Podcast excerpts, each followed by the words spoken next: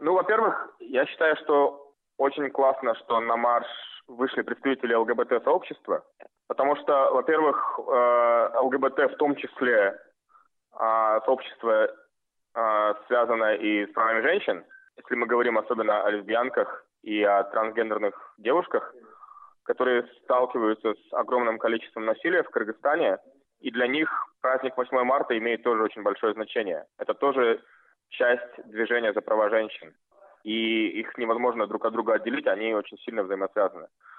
А, и поэтому то, что они вышли, это очень здорово, и я очень горжусь Кыргызстаном а, за то, что у нас а, это стало возможным, что у нас люди, а, у которых есть какие-то проблемы, а у них очень много проблем есть, что они могут вот так выйти на марш и заявить о том, что у них есть проблемы.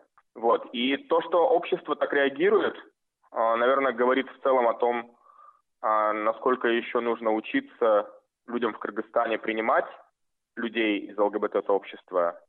И я понимаю, что, наверное, у людей остались какие-то гомофобные страхи, непонятно откуда. Но эти страхи ничем не подкреплены. Я призываю людей в Кыргызстане перестать бояться а, ЛГБТ-сообщества. Это тоже часть нашего общества. И как раз таки поэтому они выходят на марш, потому что к ним так плохо относятся. Я думаю, что парламент, депутатам парламента тоже очень не помешало бы получить какое-то образование в сфере прав человека.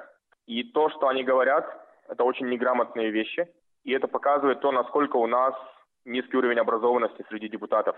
А депутаты – это люди, которые пишут законы в Кыргызстане, они лучше всех должны разбираться в том, что такое права человека. И все, что сегодня гомофобно озвучивалось в стенах парламента, только показывает то, насколько узко очень а, и необразованно мыслят наши депутаты.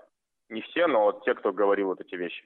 И я призываю просто депутатов взяться за э, самообразование, начать читать про историю правозащитного движения и начать представлять интересы всех граждан Кыргызстана, в том числе ЛГБТ-сообщества.